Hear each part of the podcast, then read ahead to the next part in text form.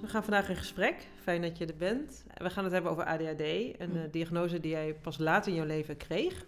Ja. En ik wil eigenlijk eerst even teruggaan naar de eerste tekenen bij jezelf. Dus kan je nog specifieke momenten herinneren als klein meisje dat je voelde van... hé, hey, hier eh, voel ik me anders dan de rest? Ja, al ehm, eigenlijk al heel jong. Ehm, eh, nou, ik weet dat mijn moeder, eh, toen ik op de kleuterschool zat, eh, althans heeft ze me later verteld, dus dat weet ik zelf dan niet zo goed. Maar ik weet wel dat mijn moeder zei dat ik vaak thuis kwam en zei: Mama, mijn hoofd zit zo vol. En dat ik ook klaagde over buikpijn en hoofdpijn. Ehm, en ik weet, dat is dan echt mijn eigen ervaring. Vanaf ongeveer groep drie moet dat zijn geweest. Ehm, ja, ik denk groep drie, vier. Dat ik, ehm, en ik kan me dat ook nog echt heel helder voor de geest halen, dat we eh, op het schoolplein waren van de basisschool. En dat, eh, nou, er was één populair meisje. Dus altijd, er is altijd één populair meisje in de Ja. klas. En ehm, die was heel druk bezig met eh, de kinderen uit de klas uit te nodigen voor haar verjaardagsfeestje. En iedereen zwermde als, als, als een groep bijen om haar heen. En ik stond dat, ik weet nog heel goed, zij stond aan de ene kant van de zandbak en ik aan de andere kant. En ik was dat aan het bekijken en zij was dat zo handig aan het regelen. En ehm, eh, ja, ik weet niet, ze, ze was een soort queen bee. En, ehm, en, en, en had die groep achter zich aan en deed dat zo handig en zo ja, zelfverzekerd ook vooral. En ik weet nog heel goed dat ik daar stond en dacht: hoe doet zij dit? Hmm. Ik snap hier helemaal niks van. Eén, ik snap helemaal niets van die hele, eh, van die hele dynamiek. En natuurlijk kon ik die woorden nog helemaal niet zo Nee. benoemen eh, als je in groep die zit. Maar ik, ik weet nog gewoon heel goed dat ik daar stond en dacht: huh? ik snap dit niet. Wat is hier aan de hand? Eh, hoe doet ze dit? Ik, ik, ik zou dat ook wel willen, maar ik begrijp, ik begrijp het niet. En Nee. ik weet nog ook heel goed dat ik me op dat moment ook echt wel heel anders voelde. Ja. Ehm, echt wel alsof ik als een buitenstaander keek naar wat er in, ja, op de rest van het schoolplein zeg maar, gebeurde. Dat is eigenlijk wel het eerste moment dat ik me heel anders voelde. Ja, en je zei, hoe reageerde jouw moeder erop op het moment? Hè? Dus door de tijd heen gaf je aan, ik, ik ben druk in mijn hoofd, maar ook eh, hè, fysieke klachten, buikpijn. Ja. Ehm, ja, hoe, hoe reageerde de rest van de gezin daarop? Ehm, nou, op de basisschool verder. ehm, ja, ik heb. Ik, ik geloof dat mijn, mijn hoofdpijnen en buikpijnen. ik, ik, daar, nou ja, ik weet. Mijn moeder heeft. Ik heb daar nog wel naar gevraagd, maar mijn moeder heeft daar niet echt meer herinneringen aan in de zin van dat dat. Nou ja, dat ik daar veel last van had later. Maar ze, ze gaf wel heel duidelijk dus dat voorbeeld van die kleuterschool. Maar ze gaf zelf van ja het is heel lastig, want als een kind klaagt over hoofdpijn Mm. of buikpijn, ja, Kan alles dat zijn. kan echt alles zijn. Dus ze, eh, en ook omdat het niet erger werd of dat ik daarna er niet heel veel meer over had, heeft ze er ook dus niet heel veel aandacht aan geschonken. Ehm, eh, wel had ik altijd heel vaak oorontsteking en keelontsteking. Dus ik, wa- ik was niet een heel. ehm, eh, ja, hoe moet ik dat zeggen? Ik had, er was, ik had altijd wel wat. Ja. Maar goed, dat, dat koppel je natuurlijk niet aan eh, iemand die niet lekker in zijn vel zit. Mhm. Ehm, wat wel zo was, was dat ik vanaf. ehm, eh, en dat zie je ook in mijn rapporten terugkomen, dat vanaf groep 5. Nou ja, eigenlijk groep 4 al. Eh, groep 4 eh, mocht ik bijvoorbeeld niet mee school zwemmen vanwege die oorontstekingen. Mhm. Ehm, en wat ik toen mocht, was dat ik dan in eh, die paar uur bij groep 5 mocht zitten. Ik had heel veel behoefte aan kennis. En ehm, eh, dus die uurtjes waren voor mij ook heel fijn. En dat staat ook steeds in de rapporten. Heel leergierig, heel nieuwsgierig. Ehm, eh, er staat niet iets in, in de rapporten over snel afgeleid of heel Mhm. druk. Maar wel aan de andere kant ehm, ook wel, en dat is dan meer naarmate ik dus eh, eh, richting groep 7, groep 8 ga, dat er ook faalangst bij, bij komt, faalangstig. Mm um, en ik geloof dat ik in, ik weet niet of dat de basisschool was, maar in ieder geval in de eerste van de middelbare school daar ook echt nou ja, hulp bij en begeleiding bij heb gekregen. Omdat het gewoon, nou ja, niet, omdat ik dat gewoon niet meer redde. Nee, je moet het eigenlijk een beetje zien als een soort stille tekenen. Ja. Niet heel duidelijk, maar maar stil aanwezig. Nee, want eigenlijk zijn die tekenen eh, heel lang uitgebleven in de zin dat het tot een diagnose kwam van ADHD. Want je hebt eerst nog heel veel andere labels uh, opgeplakt gekregen die niet in lijn lagen met, met wat het nu uiteindelijk is. Hoe, hoe is dat verder gegaan? Eh, je, je kreeg andere labels opgeplakt. Kan je daar iets over vertellen? Ja, ik, um, op de middelbare school um, kreeg ik nou ja, rond mijn veertiende, vijftiende last van, ehm, zoals ze dat dan toen noemden, psychosomatische klachten. Mhm. Eh, veel buikpijn, misselijkheid, uh, echt heel veel maagklachten waar de huisarts zich totaal geen raad mee wist. Ik denk dat ik letterlijk alle medicatie op het gebied van maagproblematiek wel geslikt heb, ehm, maar niks hielp. Um, en tegelijkertijd had ik heel veel last van hyperventilatie. Uh, dat zich steeds verder uh, nou ja, ontwikkelde ook in uh, echte paniekaanvallen. Ik viel flauw, um, met name op hele drukke plekken. Mm -hmm. um, en, um, en zo rond mijn 14e, 15e kreeg ik daar ook een eetstoornis bij. Ik, ik stopte met eten. want daar, ik had het gevoel dat ik daar de controle over had. Mm -hmm. Voor mij was de wereld zo overweldigend en zo Um, ja, alles kwam tegelijk binnen. Ik had nergens controle over. Um, ik had het gevoel dat ik, uh, nou ja, anders was dan anderen. En, en, en dit voelde alsof ik hier dus. Eh, en, en ook nergens in uitblonk of zo. Mm -hmm. En, hier, en het voelde alsof ik hier dus wel goed in was. Ja. En, en, en dat was misschien wel het allerbelangrijkste, op het moment dat ik afviel en een steeds lager gewicht kreeg.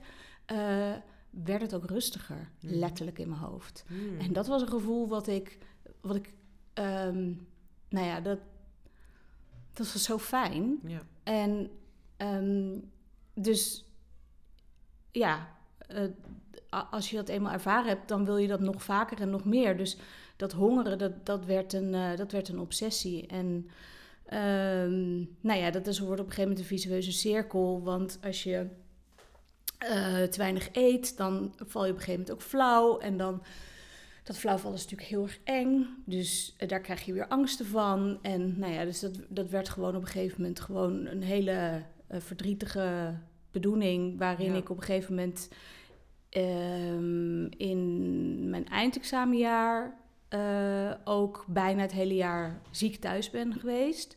Omdat ik gewoon fysiek, maar ook zeker emotioneel helemaal niet in staat was om naar school te kunnen. Ik ben ook trouwens nog op mijn middelbare school uh, gepest. Um, vanaf de derde klas uh, tot en met begin vijfde ongeveer. En had dat dan te maken met wat, je, wat jij dan ervoer dat je anders was dan, uh, dan de rest of anders gedroeg? Ja, ik denk dat um, pesters voelen haar fijn aan als iemand net even iets anders is of heel erg zijn best doet om ergens bij te horen. Um, maar um, ja, toch, toch net eventjes, nou ja, um, net, net eventjes, nou ja, gewoon net even de odd one out ja. is, zeg maar. En uh, ja, dat, dat is dus alsof ze daar een soort zesde zintuig voor ja, hebben. Kwetsbaar. En, ja. ja, gewoon te kwetsbaar. En, en ik wil dat ik wilde kosten wat kost um, bij dat populaire groepje horen. Ja. En uh, dus eigenlijk wat ik al had vanaf groep drie, dat ik dus dat bij dat populaire, dat populaire meisje wil zijn, of bij dat populaire meisje wilde horen, dat had ik nog steeds heel erg op de middelbare school. En, um, um, maar tegelijkertijd was dat het wel het groepje waarvan niet iedereen, maar waarvan er wel een aantal uh, wel echt op me gemunt hadden. Ja. En niet één keer, maar, uh, want ik bleef zitten op een gegeven moment in de vierde. Een jaar daarna nog een keer met een ander groepje. Ja. Uh, dus um, ja, dat zijn toch ook allemaal knauwen die je dan daaraan overhoudt. Wat ook zeker niet Ehm, positief was voor mijn zelfbeeld, wat nou ja, het, eh, het eh, eten helemaal niet bevorderde, maar ook ehm, eh, ja, op een gegeven moment word je, raak je zo geïsoleerd Ja. van alles en iedereen en durf je eigenlijk ook gewoon helemaal niks meer. En dat, dat, dat werd ook echt werkelijkheid. Ik durfde echt helemaal niks meer. Ik zat alleen nog maar, of ik lag eigenlijk alleen nog maar op de bank met mijn moeder naast me en die mijn hand vasthield. Ehm, en dat, dat was mijn wereld eh, in eh, de zesde klas van de middelbare school. Ja. En ik heb wel mijn eindexamen gehaald. Af en toe vraag ik me af hoe, maar dat, is, dat, heeft, dat heeft dan... ehm, mijn, mijn hersenen hebben dat dan toch voor elkaar gekregen. En toen is dus besloten, omdat het dus... En dat was ook echt wel mijn besluit... dat er toch echt wel iets moest gaan gebeuren... ehm, voor, dat er dus een klinische opname moest komen... Mhm. eh, om aan die ehm paniekstoornis en eetstoornis te gaan werken. Alleen toen is er gewoon een heel verkeerd besluit genomen. En eh, heeft een psychotherapeut geadviseerd eh, om mij naar een, kliniek voor persoonlijkheidsstoornissen te, te sturen. En ja, daar, daar zat ik dus alles behalve op mijn plek, want er was Ja. helemaal geen sprake van een persoonlijkheidsstoornis. Want kan je dan, want, ik, want je werd dus niet behandeld voor wat er daadwerkelijk eh, aan de hand was. Nee. Had je altijd, en misschien ook je ouders, want je bent zelf natuurlijk nog jong en je zit erin, ergens het gevoel van, maar dit klopt niet, hier, hier, dit, is, dit, is, dit, is een, dit is een misdiagnose? nee, ik twijfelde gewoon continu aan mezelf. Ja, dus dat was helemaal, je kon daar helemaal niet meer logisch over nadenken of dit er dan was. Je was Nee, gewoon- nee ik, ik was. ehm, eh, ik, ik, daar, daar werd gewerkt ehm, volgens eh, eh, schematherapie van, van jong en nou, nog iets. Wat een, wat een absoluut hele goede methode is, en, en zeker voor eh, persoonlijkheidsproblematiek. Ehm, en ehm, nou ja, dan, dan werd er dus gewerkt volgens schema's zoals eh, hoge eisen en aanpassing en emotionele verwaarlozing en, en noem maar op. Ehm, en ik kon me zeker ook wel vinden in de schema's zoals hoge eisen en aanpassing Ja. en, minder, en minderwaardigheid.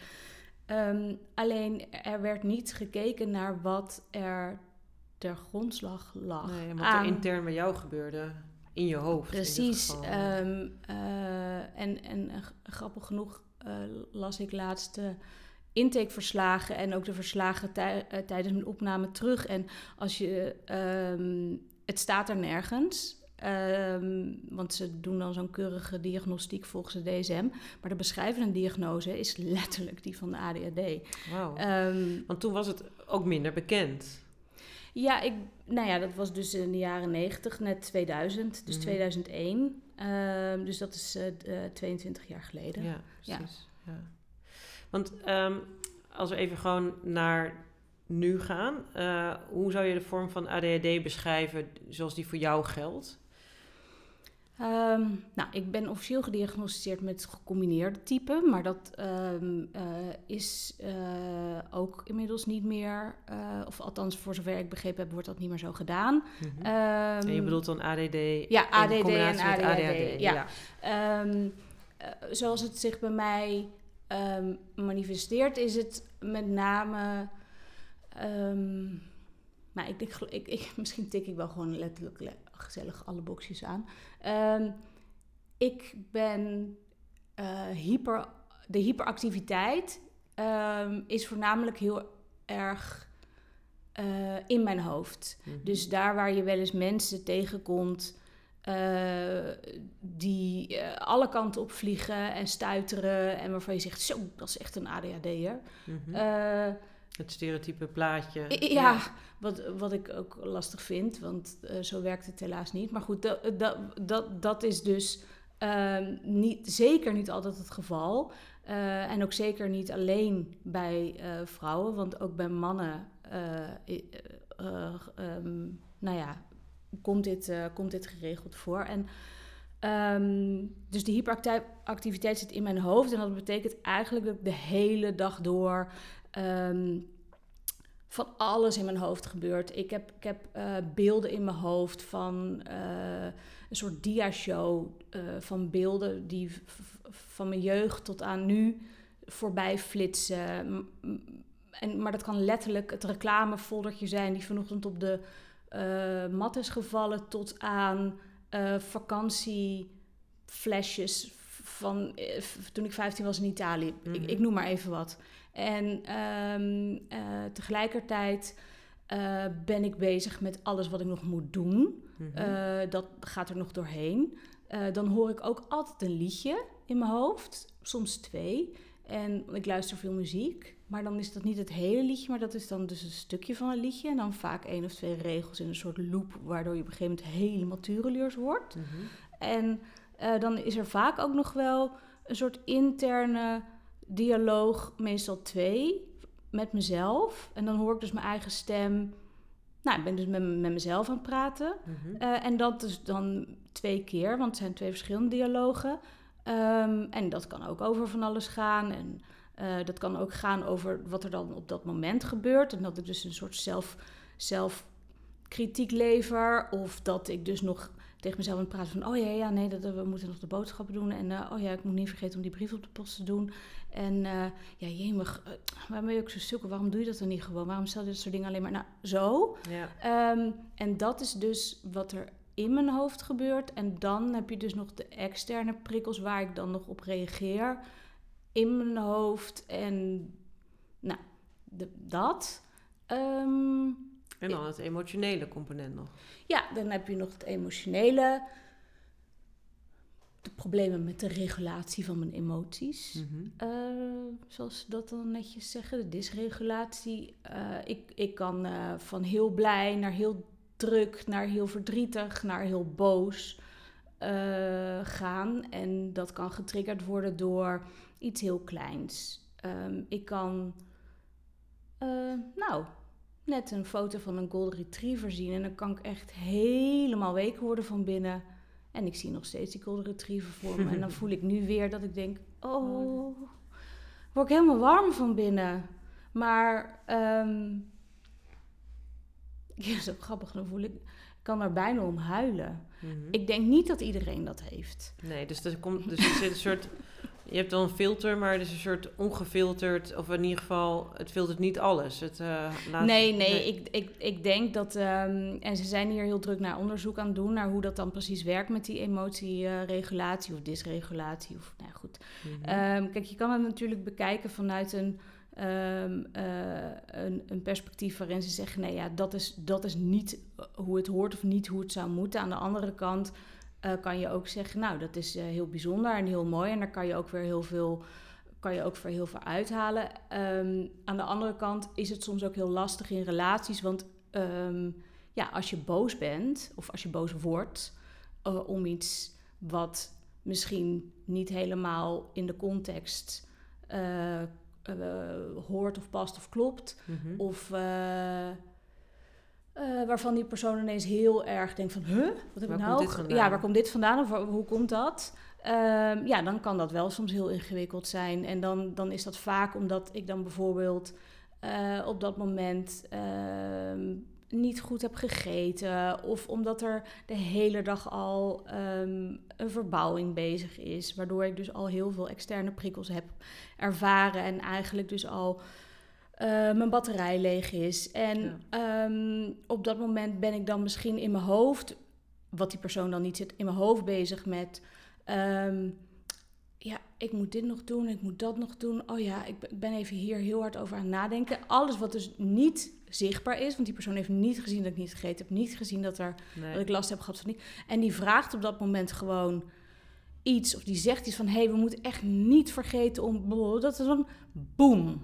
Ja. En dan komt een ontploffing. En, Ja. en die is dan eh, eh, op, op die persoon gericht, wat niet redelijk is, maar waar ik het echt niet. eh, ik kan dat niet helpen. Nee. En dat is wel gewoon heel ingewikkeld. Ja, dat is die meter die gewoon al natuurlijk aan het opbouwen is in je hoofd. We zeiden het in het begin al, van jouw diagnose is eigenlijk pas rond je dertigste. Vanaf je dertigste kreeg jij wat meer inzicht en kwam ook wat meer ADHD als mogelijk iets naar voren. Ja. Kan, je, kan je vertellen eh, wat dat voor jou heeft betekend om te weten, ik heb gewoon ADHD? Eén, voor mij vielen alle puzzelstukjes op hun plek. Eh, in de zin van: oké, ik heb twintig jaar therapie gehad om te werken aan mijn paniekaanvallen en paniekstoornis. niets werkte. Geen Mhm. enkele ademhalingstherapie, geen enkele cognitieve gedragstherapie. Ehm, wat we ook deden, het was water naar de zee dragen. Mhm. Zeg je Ja. zo toch? Ja.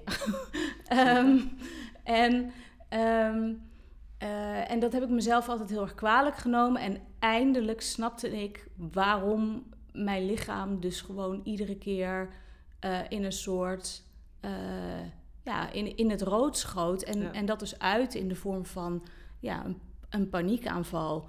Ehm, en, dat ik, en dat is gewoon letterlijk een... een eh, ik overspoeld werd op dat moment Ja. van prikkels en emoties. En, ehm, en dat daar niet de juiste therapie op is toegepast. Sterker nog, dat, dat, dat je daar eigenlijk alleen maar een soort van trucjes op kan verzinnen. Ja. Om daarmee te dealen. Zoals dus een zichtbare emotiemeter. Ja. Voor, weet je wel, van hé, hey, kijk, luister, ik zit nu. eh, Ik zit nu al half in het rood. Ja, dus ja. leave me alone. Ja. Ehm, Of eh, ik voel dat ik ergens richting rood ga. Ik trek me even terug. Ja. En ik ga even iets doen waar ik rustig van word. Je, Nee. je, je wist niet, oh ja, ik kan beter juist niet mijn prikkels moet ik doseren of ik moet inderdaad Ja, dat- voelen. Exact. Nou, het was heel, het, het, het was heel helpend geweest als... Het, nou ja, goed, die diag- ja, dat was je vraag. Je diagnose, het, er vielen puzzelstukjes op een plek. Het was ook wel rauw, omdat ik, omdat ik dan dacht... Ja, waarom, waarom, had, waarom hebben ze dan niet gekeken naar wat erachter lag? En waarom Mhm. hebben ze steeds maar weer eh, het op die cognitieve gedragstherapie gegooid... in plaats van het eh, meer dealen met de situatie? Want mijn hoofd kan je niet veranderen. Dat, dat bestaat niet. Ehm, en tuurlijk heb ik daar ook een aandeel in. En kan ik daar zelf ook dus de regie in nemen. Eh, maar je omgeving speelt daar dus ook Ja. een aandeel in. En dat was eigenlijk het hele stuk wat niet werd meegenomen in die 20 En ook jaar. die, die, dat aanpassingsgedrag, wat misschien ook voor, vooral iets is, of veel iets is wat vrouwen geneigd zijn om te doen. Ja. Of ook gewoon van, van jongs af aan meekrijgen. Ja. Dus je pas je aan, eh, je bent flexibel. En dat is natuurlijk bij uitstek iets wat haak staat tegenover, tegenover grenzen stellen. En zeggen, sorry, Enorm. ik pas me Het niet is- aan, want ik, ik kan dat niet. Of het lukt Het me is niet. natuurlijk super eh, paradoxaal om, eh, om, om je je dan juist... En, en ook wel ongelooflijk begrijpelijk en logisch... juist vanuit het feit dat je je zo anders voelt... Ja. eh, wil je en je niets liever eh, willen dan dat je er, erbij hoort. Mhm. Maar het is heel erg schadelijk. Het is schadelijk voor je, voor je emotionele toestand en het is heel erg schadelijk voor je fysieke toestand. Want Ja. ik kreeg daar dus al die, nou ja, psychosomatisch tussen aanhalingsklachten voor. Nee, dat waren gewoon fysieke klachten. Ja. Ik kreeg gewoon, mijn lichaam gaf gewoon aan, stop. Ja. Je moet hiermee ophouden. Ja. En ik heb ook niet voor niet, denk wel, tien burn-outs gehad. Of terugvallen of, of Mhm. eh, om mijn gat gelegen, of hoe je het wil noemen. In mijn leven, omdat ik iedere keer maar weer probeerde om mezelf in een mal te proppen... die, die niet voor mij geschikt was. Nee. En, en dat, dus die diagnose was voor mij in die zin echt een opluchting. Ik moet wel zeggen dat ik dacht, huh, ADHD, maar ik ben helemaal niet druk. Eh, snap Ja, je? Dus ik, stereotype beeld. ja, dus eh, ik had ook dat stereotype Ja. beeld. Ik, ik dacht ook van, maar dat, maar dat ben ik toch helemaal niet. En op zich was ik in die periode best wel druk. Ehm, eh, dus ik, ik, ik kan ook echt heel druk zijn en ik kan ook, zoals je hoort, ook best wel druk praten. Eh, dus het- voor sommige mensen kwam dit niet als een verrassing. Maar ik had echt wel heel duidelijk ook duidelijk ehm, een, eh, ja, toch veel een vooringenomen beeld hiervan. En Ja. dat eh, door daar wel heel veel over te lezen en onderzoek naar te doen, eh, heb ik toch wel geleerd dat het ook wel anders in elkaar zit. Ja. En, en ook, je hebt natuurlijk gewoon... hè, mensen probeerden van alles op je te plakken van hè, wat het dan kan zijn, dan wel fysiek, dan wel... Dus het kan me ook, zijn, kan me ook voorstellen dat, het, dat er een soort twijfel was van, oh, oh ja, maar... Die is er ehm, nog steeds hoor. Die blijft, ja. ja. Ik, ik twijfel nog steeds aan het feit van. Of het wel ehm, klopt. Ja, ik, de- daar twijfel ik iedere dag aan. Want die, dat is er zo lang ingepeperd. ja. Ehm, en overigens nog steeds, als ik naar een eerste hulp ga, dan wordt nog steeds tegen me gezegd dat eh, ik last heb van hyperventilatie in plaats van dat ze goed naar me kijken. Dus die Ja. gender bias is echt gigantisch aanwezig. ja. Ehm, nee, dus dat zal denk ik niet zo snel verdwijnen. En toen jij die diagnose kreeg, uh, toen vertelde je ook hè, van ik heb medicatie gekregen. Ja. Wat betekende dat voor jou? Eindelijk rust in mijn hoofd. Uh, kan je beschrijven wat, wat het deed? Was stil. En ik had nog nooit, ik had nog nooit stil gehoord, gevoeld, ervaren. Um, um, ik probeer het wel eens uit te leggen aan mensen. Je bent, stel je bent aan het koken, je hebt drie pannen op het vuur, nee vier. Um, en de afzuigkap staat aan op zijn allerhoogste stand. En naast je staat iemand en die wil uh, weten, die wil weten wat de weekplanning is. En ondertussen moet je uh, binnen twee minuten een hele ingewikkelde hoofdrekensom oplossen. En dat moet, en dat moet allemaal tegelijkertijd. Nou, zo voelt ongeveer de hele dag mijn hoofd. Mm -hmm. um, en in één keer viel de afzuigkap weg. In één keer hoorde ik niet meer dat gesis en gepruttel van die pannen. In één keer hoefde ik ook helemaal die pannen niet meer aan te raken. En hoorde ik die persoon naast me niet meer. Die verdween ook uit zicht. En het enige wat ik nog hoefde te doen was gewoon een rekensom maken. Mhm. In alle rust en alle kanten. Zonder alle externe prikkels om me heen. En dat gevoel van, ja, als er wel eens mensen gedoken hebben die nu luisteren, die stilte en die rust en dat ge van je eigen ademhaling, nou, dat ook. En ik weet niet, ik dacht echt, oh mijn god, waarom heb ik dit nog, waar, waar, waar was dit pilletje? waarom nu pas? Waar was dit pilletje? Ja, ja, ja. En, de, en daar wil ik niet mee, daar wil ik dus niet mee zeggen dat dit de halleluja oplossing was. Nee. Uh, want dat was het zeker niet. Maar um, ik kan me wel die eerste periode herinneren als, als heel, heel prettig. Ja, dus even ervaring van een brein wat je helemaal niet kende. Nee, nee. ik had dit echt nog nooit van mijn leven meegemaakt. Nee. We zeiden het al een beetje, uh, of je, je benoemde het al, hè, in relaties is het, is het, kan het ingewikkeld zijn, omdat de ander aan jou niet kan zien uh, wat er emotioneel in jou omgaat en waar jouw emotionele meter zit op dat moment. Mm -hmm. Uh, je bent al heel lang met je partner. Ja. Hoe is het voor hem geweest om, om hierin mee te groeien, maar ook dus om ook ineens te weten, oh, maar zo moet ik jou benaderen of zo, zo moet onze dynamiek gaan werken, willen wij goed met elkaar om kunnen gaan? Um, ja, dat is nog steeds een proces. Uh, ook omdat. Um, en ik denk dat ik daar zelf ook wel een, een aandeel in, in heb gehad. In het begin, toen ik de diagnose kreeg, dat is nu tien jaar geleden, toen was ik ook nog niet heel erg bezig met um, het echte onderzoek van oké, maar wat is nu die ADHD? Hoe uh, manifesteert zich dat in mijn leven? Mm. En uh, ik was meer gewoon blij in de zin van oké, okay, maar dit is het dus. Dit is dus na twintig jaar lang uh, uh, ja, de oorzaak van, mm -hmm. van alle ellende. Uh, ik heb nu een pilletje gekregen. Dit, het, het, is echt ook wel een beetje naïef hoor. Ik heb nu een pilletje gekregen en, en we gaan dit gewoon fixen. Ik heb, ja. hier, ik heb daarna ook niet meer um, een, een ADHD-coach gehad of een, of, een, of een therapeut of iemand die me daarin begeleidde. Ik had wel dus een psychiater die mij heel goed in de gaten hield wat betreft medicatie.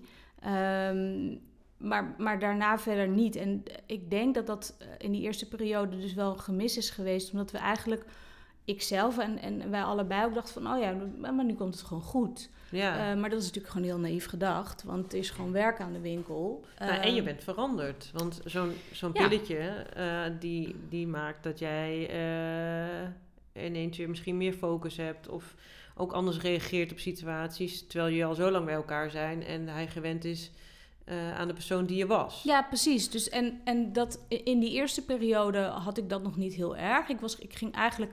En, uh, en ik, ik bleef me ook eigenlijk nog te veel aanpassen aan mijn omgeving. Mm -hmm. um, ik gebruikte ook uh, de medicatie um, om te kunnen blijven functioneren zoals ik dat deed, omdat ik vond dat dat gewoon moest. Oh, dus je ging, bleef wel hetzelfde ja. doen. Ja. Maar dan wel met meer rust in je hoofd. Ja. Maar je realiseerde dat natuurlijk alleen een pilletje alleen niet. Nou, daar kwam ik dus iets later achter. Ja. Dus eigenlijk, eh, en dat kwam eigenlijk pas met de geboorte van onze dochter, eh, die in 2000, oh, wat erg, ze- 2017 is geboren. Ja hoor, dat staat gewoon in de agenda. Ehm, en, ehm, en dat is dus, eh, dat was dus zes, zes jaar later. Nee, dat is niet waar, vier jaar later.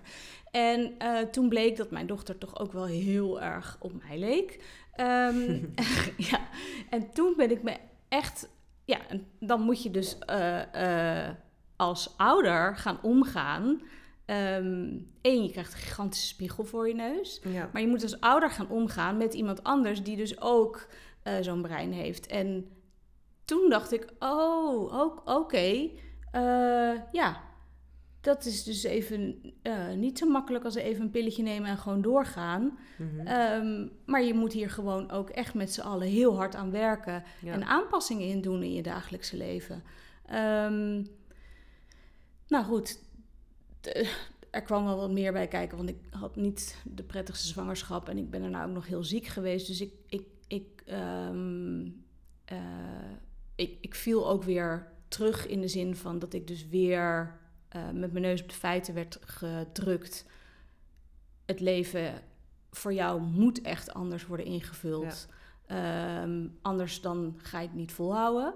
Eh, nou, dat, dat alles bij elkaar maakte dat ik me dus echt, echt goed ging verdiepen in, in eh, neurodiversiteit. En ehm, hoe, hoe ga je daarmee om in dagelijks leven? Hoe ga je daarmee om in je relatie, in je gezin? En ehm, ja, ik denk dat dus mijn dochter me daarin dus eigenlijk gewoon nou ja, een spiegel heeft voorgehouden, maar dus Ja. ook mij heel veel heeft geleerd. En we zijn dus nu, ehm, zowel eh, als gezin, eh, krijgen we dus begeleiding, maar ook ehm, in onze relatie, niet zozeer relatietherapie, maar meer hoe ga je om met Ja. ehm, nou ja, een, een neurodiverse partner. ja.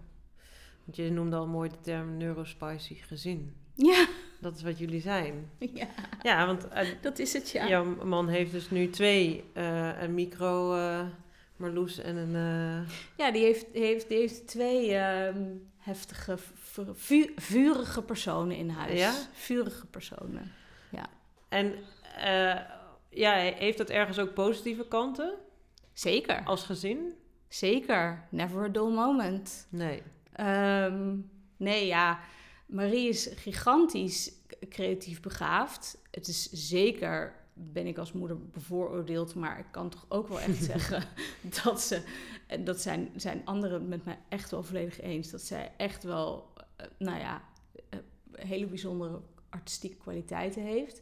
Maar zij bedenkt ook letterlijk de meest, ze heeft de meest spontane ideeën. Ehm, en, en gedraagt zich daarin toch echt wel anders als een, als een kind die misschien een, een, een neurotypisch brein heeft. Ja.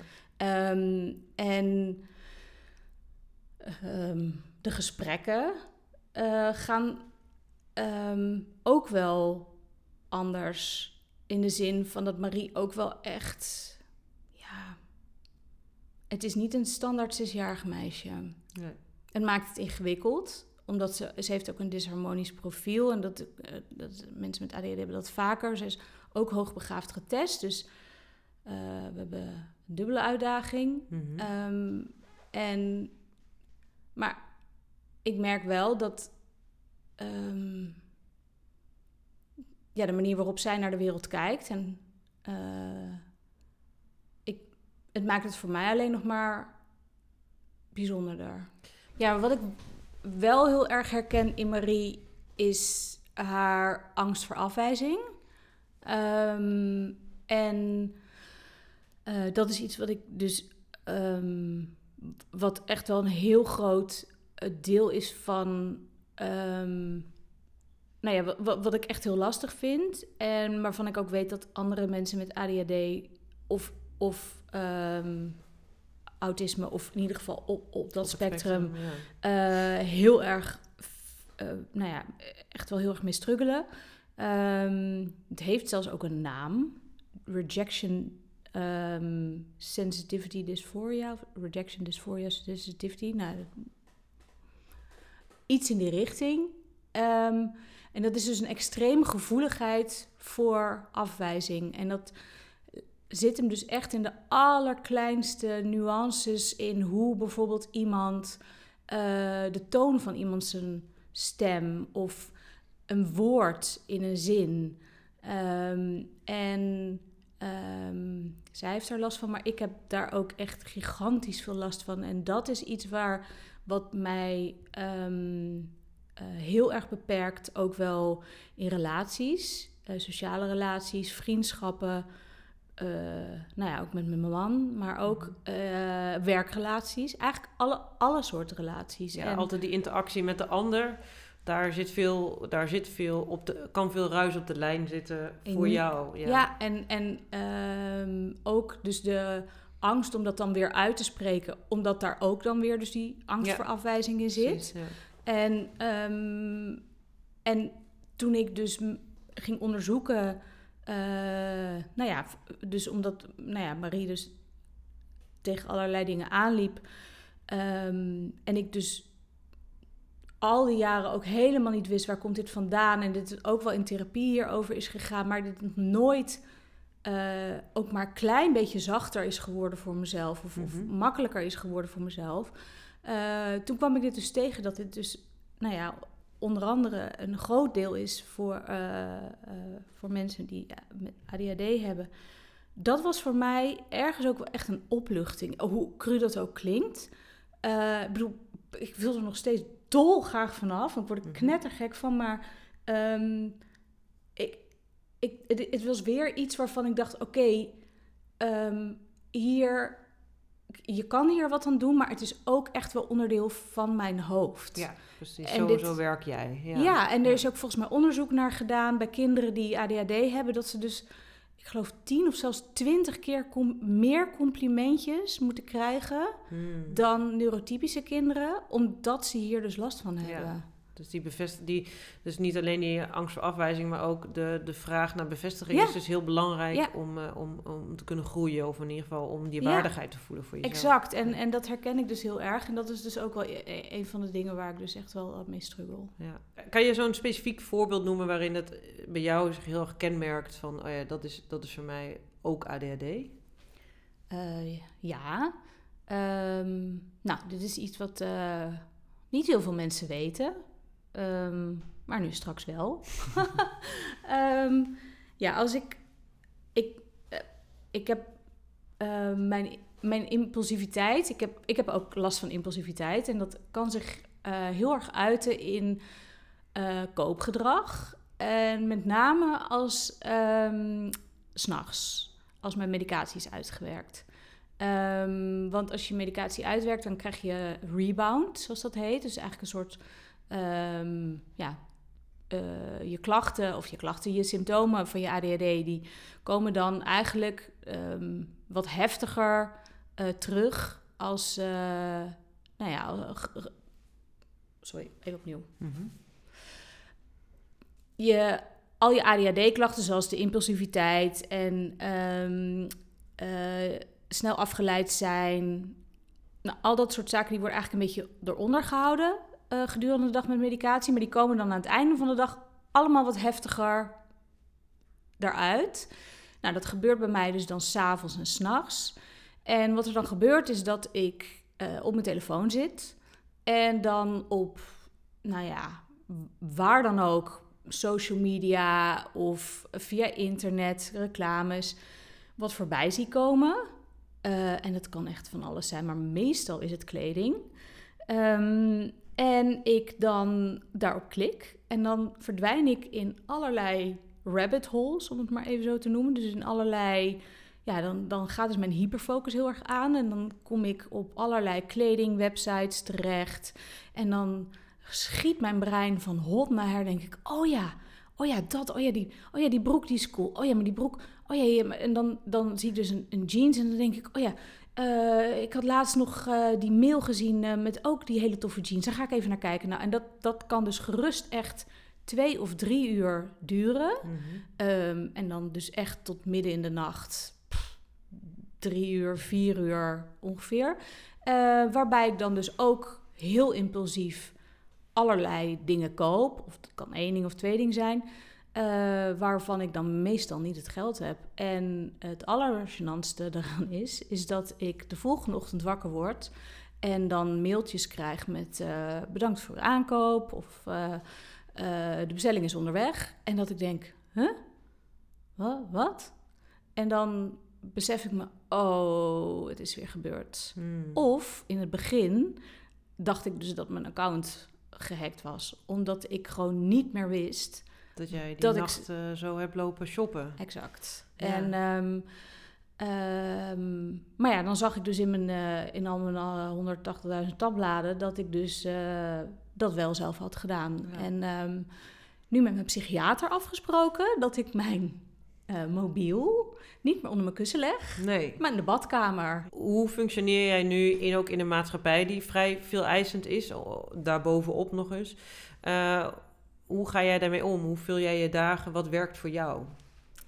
Ehm, nou, ik heb ook heel veel gelezen. eh, in, in Amerika wordt er heel veel geschreven over neurodiversiteit. Ehm, en ook over het eh, sociale en het medische model om te kijken naar mensen met of zonder een beperking, maar mensen met een beperking.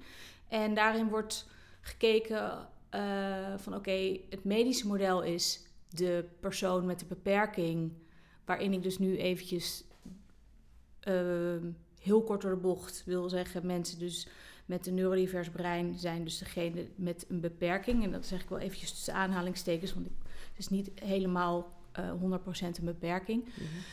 Maar goed, je hebt beperkingen. Ehm, in het geval van het medische model ehm, eh, is de persoon met een beperking degene die zich moet aanpassen aan de maatschappij. En in het geval van het sociale model zou het dus de maatschappij zijn die zich veel meer moet aanpassen aan eh, mensen met, eh, met, beperk, met een beperking. En ehm, ik ben er dus veel over gaan lezen en ben veel milder daarin naar mezelf geworden in de zin dat ik vind dat de maatschappij dus zich meer moet gaan aanpassen. Mhm. Maar ook dat ik eh, me dus veel minder moet gaan conformeren naar de norm. Als in, eh, ook het woord functioneren vind ik vaak ook lastig. Weet je wel, wat is dan, wat is dan functioneren? Ja, wat is goed? Ja, ja, weet je Ja. wel, wat ehm, is, is functioneren dat je eh 40 uur in de werkweek werkt en dat je dan eh, eh, ook je, eh, je gezin eh, hebt en dat je eh, eh, ja, eh, eh, een, een koophuis hebt in Amsterdam en eh, al dat soort dingen? Of is functioneren eh, dat je je dagen kan invullen door eh, muziek te maken en ehm, eh, eh, dus niet, niet te werken, eh, een uitkering hebt. En Ja. Ik snap je dus. Ja. eh, Al dat soort vragen ben ik me gaan stellen. En, en daar heb ik een soort tussenweg in gevonden. eh, die voor mij nu, en dat heeft echt wel heel veel, heel veel hobbels op de weg gehad. Ook weer een hele heftige burn-out. Waar ik dus nu net een half jaar uit ben. Mhm. Ehm, maar dat is wel de turning point geweest. En, en ehm, ik heb nu eh, een bijjong-uitkering gekregen. Ehm, die had ik toen ik in die eerste opname zat, toen ik 19 was. Die is toen voor mij aangevraagd. En om die reden heb ik hem nu weer. Hmm. Anders had ik hem nooit gekregen. Ehm, en dat is voor mij een vangnet om ook, als het dus even wat minder goed gaat, ja, te kunnen zeggen: Oké, dan hoef ik nu, of kan ik nu zeggen: Ik werk niet. Ik ben freelance, ik werk als zelfstandig in de kunstwereld. En op dit moment eh, heb ik. ehm, eh, ga, ik, ga ik starten, hopelijk, met een nieuwe opdracht. Mhm. Eh, voor één dag in de week. En doe ik vrijwilligerswerk bij een stichting die zich inzet eh, voor eh neuro eh, divergente kunstenaars. Ehm, om die ehm, meer plek te geven in de reguliere kunstwereld. Mhm. Ehm, en dat doe ik ongeveer ook één dag in de week. En dan werk ik daarnaast nog eh, voor eh, zelfstandige kunstenaars. Dus nou, laten we zeggen, 2,5 dag in de week ben ik bezig. En daarnaast ben ik ook heel veel eh, met Marie, omdat die niet fulltime naar school gaat. Nee. En, en probeer ik dus zoveel mogelijk ook tijd vrij te maken, of tijd vrij te maken, probeer ik zoveel mogelijk mijn dagen in te richten met dingen die ik eigenlijk al heel lang wil doen, zoals muziek maken. Ik heb zangles nu, zoals piano spelen, piano gekocht, ehm, boeken lezen, documentaires kijken, tentoonstellingen bezoeken. Alles waar ik, waar, waar ik gewoon ook echt, ja, waar ik zingeving uit haal en waar, waar mijn hoofd ook gelukkig van wordt. En ehm, ja, dus eigenlijk, eigenlijk trakteer je jezelf nu op de dingen die voor jou nu belangrijk zijn en die je misschien ook al hebt gemist in de, in de jaren daarvoor. Ja, maar het is niet eens tracteren. Het is meer, ehm, zo richt ik dus nu mijn leven in. en ik ben een boek aan het schrijven en 88 andere hobby's tussen aanhalingstekens aan het ophakken. En ja, dat boek ligt ook weer even stil, want dan heb ik een hyperfocus en dan gaat dat heel lekker en dan ja. Uh, stop dat weer even. Um, en dan ben ik bezig met een space shuttle aan het bouwen van Lego. En dat mhm. gaat dan ook weer heel lekker. En die ligt nu mhm. ook weer te verstoffen. En dan verzin ik weer wat anders. En, maar dit is wel de, dit is wel hoe ik mijn leven wil inrichten. En dat zou voor sommige mensen denken, jezus, luilak. Dit is niet lui. Nou, het klinkt ook niet lui. Nee, nee maar, ik snap wat je dat bedoelt. Wordt vaak, weet je, mensen met ADD worden vaak als lui bestempeld. Dit is niet lui. Dit is, dit is hoe ik uh, gezond door het leven ga. Want anders dan... Mijn lijf heeft heel veel te verduren gehad. Ik heb ook echt nu... Ik heb, ik heb chronische klachten hier aan overgehouden. Mm En dat is... Dat is, dat, ik, ik, dat is, dat is klaar. Ja, is over. precies. Dus dit is voor jou een manier en, en dit is jouw norm, zo ja, gezegd. dit is mijn norm. Ja. ja. En, um, want je zei wel, uh, ik zou niet willen ruilen als, ik, als er nu een middel was waardoor ik dit niet zou hebben, zou ik niet willen ruilen. Um, wat brengt het jou het meest? Even los van alle narigheid die je ook daarvan ondervindt.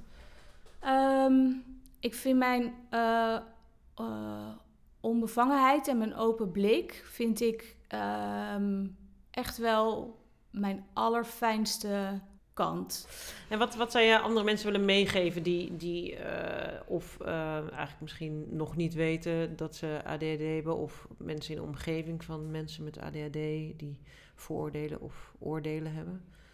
Nou, probeer een open blik te houden. Ook voor uh, mensen zonder ADHD? Ja. ja. Um, laat je niet leiden tot vooroordelen die je, die je hebt zelf. Ook, um, nou ja, die ik zelf ook had. Mm -hmm. lees je goed in. Um, en dan heb ik het niet over checklists die je in tijdschriften tegenkomt. Weet je wel, top vijf punten waarvan je kan zien dat je ADHD hebt. Of, of dingen die op social media voorbij komen. Waarbij ik niet wil zeggen dat dat um, uh, niet een aanleiding kan zijn om, om verder onderzoek te doen. Mm. Maar doe goed research. Er is heel veel te vinden, er is veel te lezen. Um, en neem in het geval van degene die twijfelt over, goh, heb ik misschien wel een, uh, een neurodivers brein? Neem iemand die vertrouwen, want er is niet zo ingewikkeld als de stap zetten naar, althans om, voor, veel, voor veel mensen die uh, nou ja, moeite hebben met uh, plannen en organiseren, uh, is het niet, zo, niet makkelijk om vervolgens dan de stap te zetten naar een huisarts of voor een doorverwijzing. Um, dus dan is het fijn als je, kan, als je een soort stok achter de deur hebt van iemand, een vriend of een, of een, of een familielid die kan zeggen: hey, um, je had me toch laatst verteld dat je twijfelt over of je ADHD hebt of niet. Heb je de dokter al gebeld? Of zal ik je even helpen met het bellen? Zal ik even naast je gaan zitten? Zullen we even samen bellen? Of zal ik met je meegaan naar de afspraak? Ja. Um, ik weet in ieder geval dat dat voor mij echt onwijs helpt met heel veel dingen in mijn leven. Als ik uh, al, weet ik veel, heel lang met, en dan heb ik het over maanden, een heel simpel taakje voor anderen dan in mijn hoofd zit, dan helpt het mij heel erg om uh, daar iemand bij te betrekken die zegt, joh, doe ik toch even voor je. Ja, of gaan we even samen doen. Of gaan we even samen ja. doen. Of, uh, of bijvoorbeeld als ik, ik vind bijvoorbeeld brieven op de post doen heel vreemd, maar vind ik ingewikkeld. Mhm. Nou, soms helpt het dan om gewoon iemand te facetimen en zeg ik: Oké, deze brief moet op de post, maar Het lukt me niet. Nee. Nou, dan gaan we dat met de FaceTime, doe ik dat samen met iemand. Dus zo vind je trucjes. En dat geldt dus ook voor anderen. Dus zoek je manier die voor jou werkt om, eh, om dingen gedaan te krijgen. Ja, zo... zo eh, positieve... Ja, of, of, of schoonmaken, of eh, ehm, eh, de was doen. Mhm. Ehm, en dan hoeft die, perse- die persoon dan niet samen met jou de was te doen. Maar soms helpt het al alleen al als iemand samen met jou in een ruimte gaat zitten. Ja. Weet je wel, dan, dan een soort, soort eh, body doubling. Ja. En werkt, works as a charm. Nou, dat is een hele goeie. Ja. Dankjewel voor dit gesprek.